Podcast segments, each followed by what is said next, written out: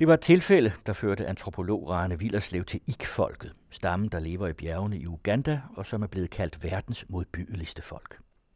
Alligevel var det hos dem, han valgte at lægge sit feltarbejde, da han søgte et stammefolk, han kunne studere. Nu besøger han dem flere gange årligt og forsøger at indgå i deres dagligdag så godt som det nu kan lade sig gøre. En dagligdag meget langt fra den, han kender fra Danmark, hvor han bor til daglig. Rane, den mest dramatiske oplevelse, du har haft ude hos IK-folket, hvad Ja. er det for en? Ej, men det var helt, øh, helt sikkert den, at øh, jeg var ude at jage øh, med dem. Altså, jeg, vi var 30, omkring 30 mennesker afsted, og jeg var selvfølgelig den langsomste, fordi det er jo meget, meget hårdt. Altså, det er meget hårdt. Du går i et bjerg, meget bjergrigt terræn, ikke? og du går i banesol, og der er ikke, næsten ikke noget vand. Så det der med at finde vandhuller er en helt afgørende del af det at være ude på jagt i de områder. Og der havde, jeg var selvfølgelig den langsomste, og der var så to øh, flinke ik, der ligesom øh, fulgte med mig, mens resten de øh, løb, som ik nu gør, hurtigere sted hen over bjergtænderne. Men lige pludselig så var alle de her mennesker væk på nær mig selv og så de her to. Og, og vi tænkte, Nå, men er det fordi, der er blevet nedlagt et dyr, eller hvad? Men så i øh, samme øjeblik, så ser ham her, en af ikene, han, øh, han visker mig ind i øret og slår mig på skulderen og siger, The enemy, the enemy, run. Og så ser jeg, at der er tre tukaner med maskingevær, der går sådan 30-40 meter fra os med ryggen til os. Og så løber de afsted, altså redselslagene. De venter ikke på mig eller noget.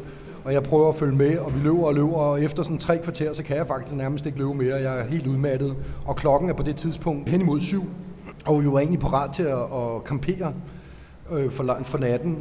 Og så siger jeg, jeg kan ikke løbe mere, kan vi ikke øh, gemme os? Så siger, han, øh, så siger de to, jamen hvis vi, hvis vi skal gemme os, så må vi slå de her øh, tre tukanaer ihjel. Så må vi skyde dem, fordi ellers så finder de os, og så peger han ned i landskabet, og så ser jeg simpelthen de tre tukanaer, der forfølger os. Altså, øh, vi står oppe i, på toppen af et bjerg på det tidspunkt, og de ser dem på vej op ad bjerget, og tænker, åh gud, og så øh, så løber vi videre, og så heldigvis der klokken halv otte, så bliver det mørkt, bælragende mørkt. Og så kan de her tukaner ikke orientere sig, fordi de er ude af området, mens at jeg holder fast i spyd og bliver ført i bælragende mørke igennem alle mulige snodede stier, øh, indtil vi øh, kommer til sidst, meget, meget sent om natten, kommer øh, tilbage til landsbyen. Ikke? Og det der var, altså de var simpelthen redselslagende, fordi det er den måde, man bliver slået ihjel på. Altså det er at møde øh, de her krigere ude. Det vi så finder ud af, det er senere, at de øh, tre tukanaer var for sig en forpost til 300 tukanaer, som invaderer området, fordi der er tørke i, øh, i Kenya. Og, øh, og der bliver holdt nogle møder, fordi der er en militærstation, der er blevet bygget hos IK for netop at beskytte dem, hvor der er seks soldater, men seks soldater mod 300 tukanaer, det er ikke øh, sådan, det er ikke lige øh, hammerne godt, men tukanaerne lover ikke desto mindre ikke at lave vrøvl. Den måde, det fungerer på, det er, at de sætter sig på øh, X øh, foran deres huse, og så afkræver dem mad og bliver brødfødt de næste tre måneder. Ikke? Øh, Hvor stort er Tukana-folket? jeg, jeg ved ikke, hvor mange de er i alt, men det er jo ret stort folk. Det er jo mange tusind, flere tusind, øh, og, og det er så altså 300 af dem, der ligesom er invaderet. Ikke? Og dem skulle I ikke så... Dem skulle så brødføde, ikke? Og, øh, og man kan sige, at de får måske en ged her og der til gengæld, men øh, de bliver jo simpelthen spist ud af huset, ikke? Og, men der er jo ikke noget at gøre, og de siger, at hvis militær, for, militæret ikke havde været der, så var de blevet skudt og så videre. Og det, det de frygter, det er, at når regntiden så kommer, og Tukana vender tilbage, så raider de dem og, og slå dem ihjel, inden de forlader området. Og rigtig nok, så var der også det, der skete. Altså, vi forlod området inden det tidspunkt, men vi fik så besked fra vores øh, tolk derom, at øh, Tugana havde slået øh, nogle ikke ihjel og, og raided osv. Så, videre. så, øh, altså, så det, det, det, det, det viser hele, den der, det, hele det, det her øh, magtforhold, ikke? Øh, hvor ikke altså er den lille part og meget udsat. Ikke? Og jeg må sige, jeg blev altså også bange ude på den jagt, fordi jeg kunne se simpelthen, hvor redselslagende de var. Altså jeg så redsen i ansigterne på dem. Ikke? Så øh, yes. Der var en anden øh, episode, som heller ikke var for sjov. Altså, det var, at jeg havde slået, altså, jeg havde slået telt op. Øh, så Lotte sov i huset, vores hus, men jeg sov i telt. Fordi at, øh, det var på det tidspunkt, hvor at man øh, tager landbrugsprodukter ind. Og øh, der var ret mange rotter, og jeg hader rotter, altså, så jeg ville hellere sove i mit telt. Men så lige pludselig begyndte der skulle lugte i teltet af dødt dyr, og jeg tænkte, er det en død rotte, eller hvad der ligger, og jeg kiggede, og jeg kunne sgu ikke finde noget. Men så da jeg fjernede teltet, da vi skulle afsted, så så jeg, at der lå en øh, en meter lang kobraslange nede under, under, under teltet, som jeg så havde mast ihjel, altså ved at lægge mig på den simpelthen. Ikke? Men øh, det, var også, det var også lidt scary, fordi øh, altså bliver man bit af en slange i det område, og der er ret mange af dem, altså du kan simpelthen ikke, altså jeg mener, du kan ikke nå at komme til et hospital eller noget, før at du er stendød, altså hvis det er en giftslange, ikke? Så der er visse, altså man kan sige, det er et ret usikkert område. Nu har vi været så heldige, at i de perioder, vi har været der, altså der kan man sige, der grundlæggende set været forholdsvis stabilt. Men øh, de, altså de beskeder, vi nu får fra området, er faktisk, at, at de her øh, mange raids og drab er ved at vende tilbage. Ikke? Så, og det, så det er et område, hvor du, du svinger ud af korte, stabile perioder, ikke? og så er der ellers perioder med ekstrem ustabilitet. Altså, ja. Hvordan holder du forbindelsen med dem, når du er i Danmark? Jamen, der sidder en IK. Altså, vi betaler for uddannelsen til en IK. Der har aldrig været uddannet en IK nogensinde på universitetet eller en højere uddannelse. Og en af vores tolke, han er en meget kvik fyr. Og, øh, og ham betaler vi simpelthen øh, store dele af hans uddannelse i Kampala, for at, øh, at der er en IK, der kan få simpelthen en uddannelse, og hvilket er jo enormt vigtigt, fordi at det er jo ham, der skal komme til at repræsentere de folk fremadrettet ikke, i forskellige organer. Øh, og det er ham, der så informerer os om per e-mail, altså fra Kampala, om hvad er det, der sker. Ikke? Rane, nu har vi været nogle dramadage ja, igennem, ja. men øh, har du også eksempler på de modsatte, at øh, det her det er bare fred og ingen fare? Og, øh... ja, altså de fleste dage er jo helt øh, øh, stille og rolige og, og ret begivenhedsløse, kan man sige. Og de kan ofte være ret kedelige også. Og så er der mange gange, det er så varmt, at man midt på dagen altså slet ikke arbejder. Altså man ligger i og for sig bare under skyggen, i skyggen og læser en bog, ikke? Men det, det handler om meget, synes jeg, det er, at øh, altså, det nytter ikke noget bare at sidde og interviewe folk. Altså, fordi at hvis man gør det, så får man sådan en formel billede af, hvad folk øh, synes, de bør være. Altså, men det folk synes, de bør være, er, er ofte slet ikke i overensstemmelse med, hvad de egentlig er, og hvad de egentlig gør. Ikke?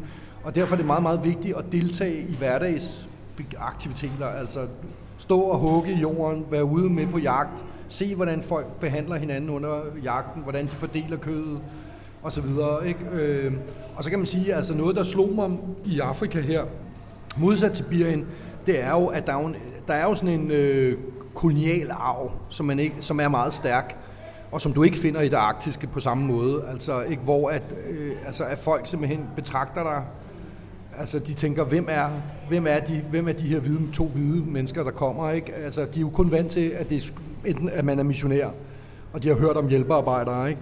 Og det vil sige, at det, det tager ret lang tid at komme ind på livet af folk, synes jeg. Altså, hvor i det arktiske, der er der jo en helt anden altså, tradition for i og for at, at have en blandingskultur og blande sig med hinanden.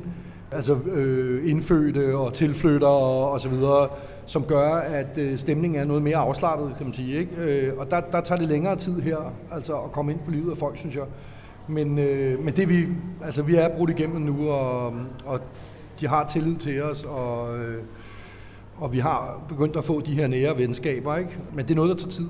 Så du og Lotte har jeres position nu i øh, IK-folket? Ja, det kan man godt sige. Altså, og, de, og jeg tror meget vigtigt, altså de ser, at man kommer tilbage.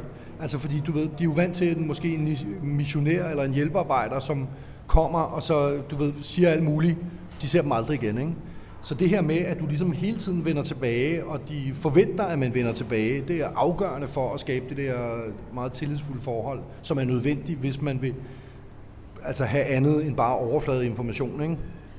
Arne, øh, det er jo så også sådan, at du jo har dit eget liv her i Danmark ja. med kone og børn, og ja. så kan jeg simpelthen ikke lade være med at tænke på, hvad øh, melder du hjem sådan en aften, hvor du har kæmpet eller har måttet løbe for livet ude i ja. junglen? Ja, altså man kan sige, at øh, du ved, der er oppe i bjergene, visse steder, dele af bjergene, kan man faktisk få mobil øh, forbindelse, meget god mobilforbindelse. Ikke lige der, hvor landsbyen er desværre, men så for eksempel, der, da vi, jeg måtte løbe for livet, øh, der havde jeg lige talt med min kone, fordi der var jo på jagt, så vi var på et sted med god øh, øh, forbindelse, telefonforbindelse, så jeg havde lige talt med hende over og sagt, det er så smukt her, og vi vandrer rundt med buer og pil i det her paradisets have, og så en halv time efter, ikke?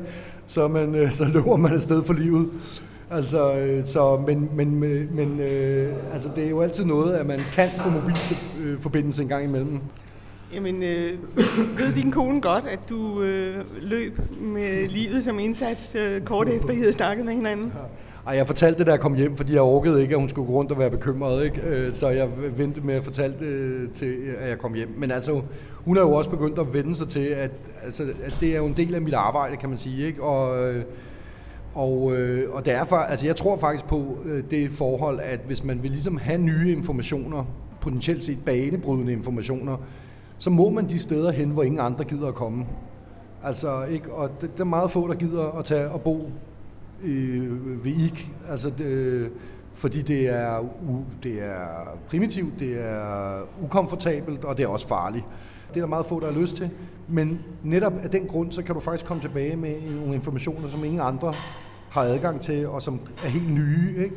Og det er den form for antropologi, jeg gør mig i. Altså, og, øh, og der er hun jo også begyndt ligesom at leve med. Ikke? Men det, det er jo meget krævende at være væk fra familie med små børn, altså længere tid ad gangen. Og det er også derfor, jeg ikke... Altså, i, i gamle dage, var jeg ved at sige, hvor jeg ikke havde børn og familie, der var jeg jo afsted i et år ad gangen. Det gør jeg ikke længere. Nu er det sådan en måned, et par måneder, flere gange om året, altså sådan, så at børnene ikke glemmer, at de har en far. Ikke? Er der nogle historier, som vi mangler at høre? Altså det, som måske øh, lige mangler at, at tale lidt om, det er, at hvad kan I fortælle om os? Altså hvad er relationen mellem I og, og det danske samfund? Ikke? Og i første omgang siger man jo, der er jo fandme ikke nogen relation der. De lever fuldstændig anderledes. Deres liv er vidderligt fuldstændig anderledes. Der er ikke nogen fjernsyn. Der er, øh, de, nogle af dem har en radio, men øh, de kan ikke læse og skrive. De har ingen elektricitet. Umiddelbart vil man synes, at forbindelsen er fuldstændig øh, fjern.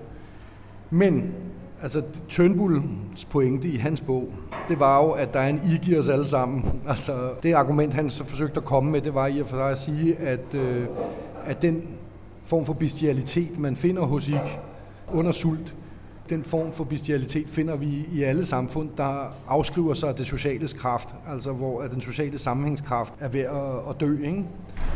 Og, øh, og der må jeg sige, altså der synes jeg egentlig, at han laver en parallel, som er værd at, og ligesom reflektere lidt over, altså at, at i et samfund, som kan opleve det her med, at, at de sociale relationer fuldstændig udspilles, altså at folk ikke er bundet til hinanden længere, ikke?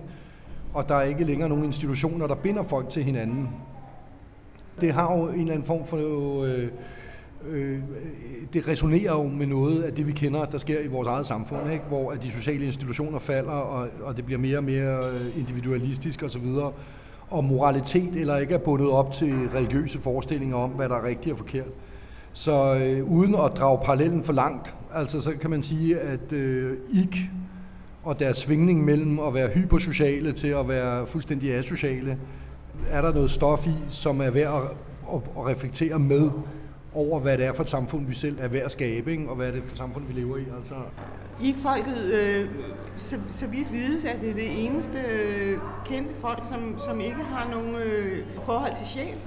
Det, man kan sige, det er, at noget af det, der, der slog mig det var, at de har meget få ritualer, men de har i og for sig også en meget fattig forestilling om øh, ånder, og det, at, at dyr skulle være besjælet, eller landskabet skulle være besjælet. De har forestillinger om dobbeltgængere, usynlige dobbeltgængere, som lever nede i dalen, og som man skal undgå kontakt med, og som har biler og, og andre ting. Altså, øh, øh, i den forstand, at de, der er både hvide mænd, og der er tukanaer, og der er ik, som sådan en slags usynlige dobbeltgængere, der lever i et parallelt samfund der. Altså, der er ikke nogen forfædrekult, der er ikke... Øh, der er meget lidt af det, vi vil kalde et religiøst liv. Og først så tænkte jeg, at de har ikke religion. Men det tror jeg egentlig er en, en ganske forkert opfattelse. Altså det, der er problemet, er, at man, både jeg, som har arbejdet i Sibirien, hvor øh, verden er fuld af ånder og ritualer til at ligesom dele med de her ånder, Altså det har det givet mig nogle forudfattede meninger om, hvad, hvad et sådan øh, førkristelig religiøsitet skulle gå ud på. Men også fordi at antropologien i høj grad har været præget af den her gamle forestilling om, at animisme, altså det er troen på ånder, skulle være ligesom den mest arkaiske form, som du finder alle steder. Ikke? og der ligesom skulle være den dominerende form, det giver altså også et, et, et misbillede i forhold til ik. Fordi hos ik, ligesom det er tilfældet til synladende blandt andre afrikanske jægersamlere, altså San og øh, Hatsa og andre, altså det, er, at, at folk egentlig ikke har de her konkrete forestillinger, meget lidt konkrete forestillinger om, der er nogle små grønne mænd, der render rundt i skoven og den slags ting. Altså at det guddommelige er noget, der er meget langt væk, altså i form af den her regnsky, og man, i virkeligheden er man i tvivl om, det overhovedet er guddommeligt, eller om det bare er et vejrfænomen som sådan. Ikke?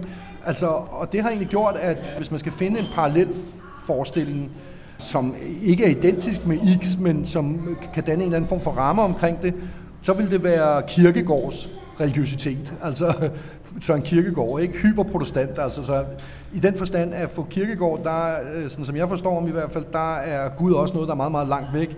Det er noget, der ikke kan medieres igennem rituel aktivitet egentlig som sådan. ikke måles. Nej, og ja, og man kan ikke komme, altså det er ikke, øh, man kan ikke nødvendigvis komme i kontakt med det guddommelige ved at, at køre ritualer af, altså kirkelige ritualer af, og så videre.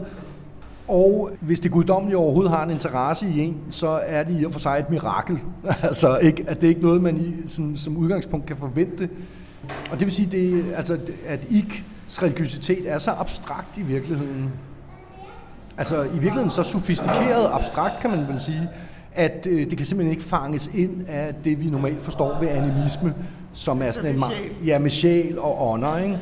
Det er ikke det, der ligesom kendetegner X-religiøsitet. Den minder mere om en form for protestantisme, selvom den selvfølgelig ikke er det.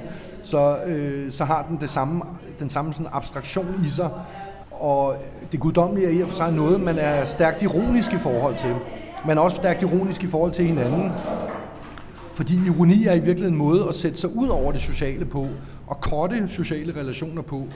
Øh, ligesom Sokrates, som er ironiker nummer et, han i og for sig sætter sig ud over de, sociale standarder og de sociale principper i øh, det antikke Athen. Han deltager i det, men tror ikke rigtigt på det, og bruger ironi til at undergrave det. På samme måde så er ironi øh, enormt øh, central på den måde, I er med hinanden på. Altså at man griner, man har sådan en slags sort humor, man griner over, at folk stjæler kødet, øh, spiser det inden de øh, når landsbyen og den slags ting. Og man har i og for sig også en ironisk distance til det guddommelige selv, som man egentlig, øh, man, sådan, man nærmest gør grin med det guddommelige, når det, når det overhovedet interesserer sig for en, som et resultat af, at man har stået og råbt på det. Altså, så er det sådan lidt, hvordan kunne det være så dumt at tro, eller, eller gøre det, ikke? Altså, så ironi er måske den religiøse attitude om noget, der kendetegner altså X-religiøsitet, ikke? og også forholdet til hinanden i virkeligheden. Altså det sociale er virkelig kendetegnet med sådan en ironisk undertone. Altså. De taler aldrig om, hvor de kommer fra, eller hvor de, de skal hen. altså, de har ingen my- mytologi som sådan omkring, hvor de kommer fra, men de har faktisk en øh, meget klar forskning om, at de er udvandret fra Etiopien. Og det kunne være interessant DNA-mæssigt at se, om det faktisk er, er tilfældet. Jamen det jeg talte om, okay. eller spurgte om, det var sjælen. Altså du og jeg kommer ja. som Nå, ja, kristne fra Gud. Nej, nej og... altså de har ikke nogen forestilling om, at de er blevet skabt af noget guddommeligt. Og de har ikke nogen øh, forestilling om, at sjælen skulle gå nogen steder hen. De har et ord for sjæl, men de har ingen forestilling om, at den skulle leve videre i et efterliv, eller gå nogen bestemt steder hen efter døden. Altså, når man dør, så er man væk. Og så man har ikke nogen forestilling om, hvor man, øh, hvor man skal hen. Og det er jo der, at kristendommen med missionærerne selvfølgelig forsøger at lave et radikalt brud med med X, øh, kan man sige, opfattelser, ikke? fordi der har du forestillinger om et efterliv ikke? i kristendommen. Og det er altså så noget, som øh, den unge, yngre generation i, i stor stil hopper på, men generationen bare på min alder, altså i 40'erne, ikke lader sig indfange af. Men, men jeg tror, at vi over de næste årtier vil se en fundamental forandring måske af øh, X-forestillinger, altså netop fordi, at, øh, at missionerne begynder at, at, at, at, få, at vinde indpas der. Ikke? Mm. Har de en idé om et formål med livet? Altså, de tænker ikke på, hvorfor er, hvorfor er jeg her, og hvad skal det hele? Hvad, hvad handler det hele om? Altså, jeg tror, at altså, det, jeg prøver at spørge til den slags ting, og det, det er jo lige så svært for dem at svare på, tror jeg, som det er for os. Men om noget, så er det livet, det er noget, der foregår her og nu. Altså, og livet, altså livet er noget, der skal holdes gang i her og nu. Og det er også en forestilling, som i virkeligheden øh, spiller godt ind med det her sharing-princip, ikke? hvor man udveksler og binder hinanden her og nu meget kort, men ikke med noget langsigtigt sigte, kan man sige. Altså, og der er ikke nogen langsigtede øh, krav om, at man er bundet til hinanden. Øh, og det er jo også det, der gør, at hvis der er konflikter i et ikke-samfund, så kan, man, så kan dem, der er i konflikt med hinanden, de kan bare flytte fra hinanden. Altså uden problemer i virkeligheden. Og det har man, altså den landsby, hvor vi er, den er splittet sig op, ikke? På grund baggrund af en konflikt. Og så, så kan man sige, migrerer man bare væk, ikke? Men det her princip om den her enorme autonomi, som der i virkeligheden ligger i det her sharing-princip, for den enkelte, har altså også den her skyggeside med, at man ikke føler sig forpligtet til at holde øh, gang i liv, som er døende, kan man sige, ikke? Øh, som netop den gamle mand, der havde brækket hoften ikke? og ligger og, og sulter eller det residerede barn, som man godt nok ikke slår ihjel og strangulerer eller slækker ud i skoven, men man simpelthen stopper med bare at give mad. Ikke? Det er jo lidt en stereotyp, som er blevet kritiseret i antropologien, det her med, at samlerne lever i nuet, men der er altså noget om det. Altså, der er noget om det i, i kraft af det dominerende princip, som er sharing, det dominerende økonomiske princip, er noget, der fremmer det at ligesom at lægge vægt på nuet, frem for at lægge vægt på fortiden, eller for den sags skyld øh, fremtiden. Og så er det jo måske også noget at gøre med, altså, at når man lever i en tilværelse, hvor at man faktisk kan blive slået ihjel, og folk bliver slået ihjel i stor stil med jævne mellemrum, jamen så er der måske heller ikke meget investering i, meget idé i at investere i en fremtid, vel? Altså som kan ende meget bræt, meget hurtigt. Rane, har du nogensinde været til en IK-fest? Holder de fester? Jamen altså, de kan godt finde på sådan at danse spontant. De danse, de så kører af, det er faktisk danse, som de har taget fra øh, kvæfolkene. kvægfolkene. Altså det vil sige, de imiterer, øh, de imiterer øh, kvæg, eller kør, okser. Altså mændene imiterer okser, altså, og deres yndlingsokser. Ikke? Men nu har I jo ikke nogen okser, så derfor kan man være ret sikker på, at, øh, at det er danse, som er taget fra nabofolkene. De kan godt finde på at danse spontant, altså og nyde livet. Og man har da indtrykket af, at, øh, at det gør de netop, når der er mad. Ikke? Når der så ikke er nogen mad, så stopper man med det. Så er det survival of, of the fittest, kan man sige. Og ægteskaber? Indgår de det? Ja, altså ægteskaber indgår man, og der er faktisk i princippet en anden form for transaktion, fordi der er det, at mandens familie skal betale konens familie dowry, altså ikke, øh, hvad hedder medgift, eller hvad hedder det, tror jeg, jeg kan ikke huske det danske ord for det, men altså er, er men igen, så selvom det er princippet, så er det et princip, der i meget begrænset omfang bliver, egentlig bliver fuldført. Dels fordi, at folk har meget lidt at betale, dels fordi der er faktisk flere ægteskaber, som er et resultat af et spontant capture, altså at man bare fanger kvinden, eller manden og kvinden stikker af sammen.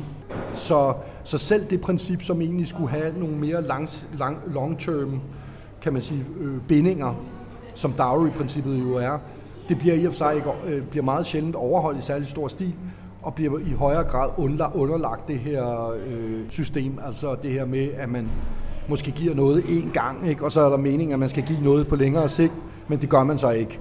Eller at det slet ikke, der slet ikke bliver givet noget.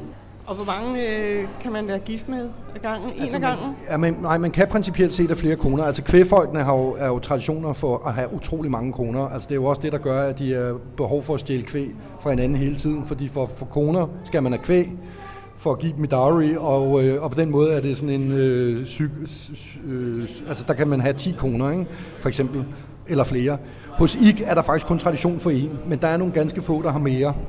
Altså, men det, der er kun tradition for en, og det hænger nok først og fremmest sammen med, at du kan simpelthen ikke brødføde dem mere end en kone. Altså, der, det er meget svært altså, med den økonomi, de har, at have mere end en kone. Ikke? Men vi er ude i noget total øh, patriotisme. Altså, det, mænd kan godt have flere koner, ja. koner kan ikke have flere ja. mænd.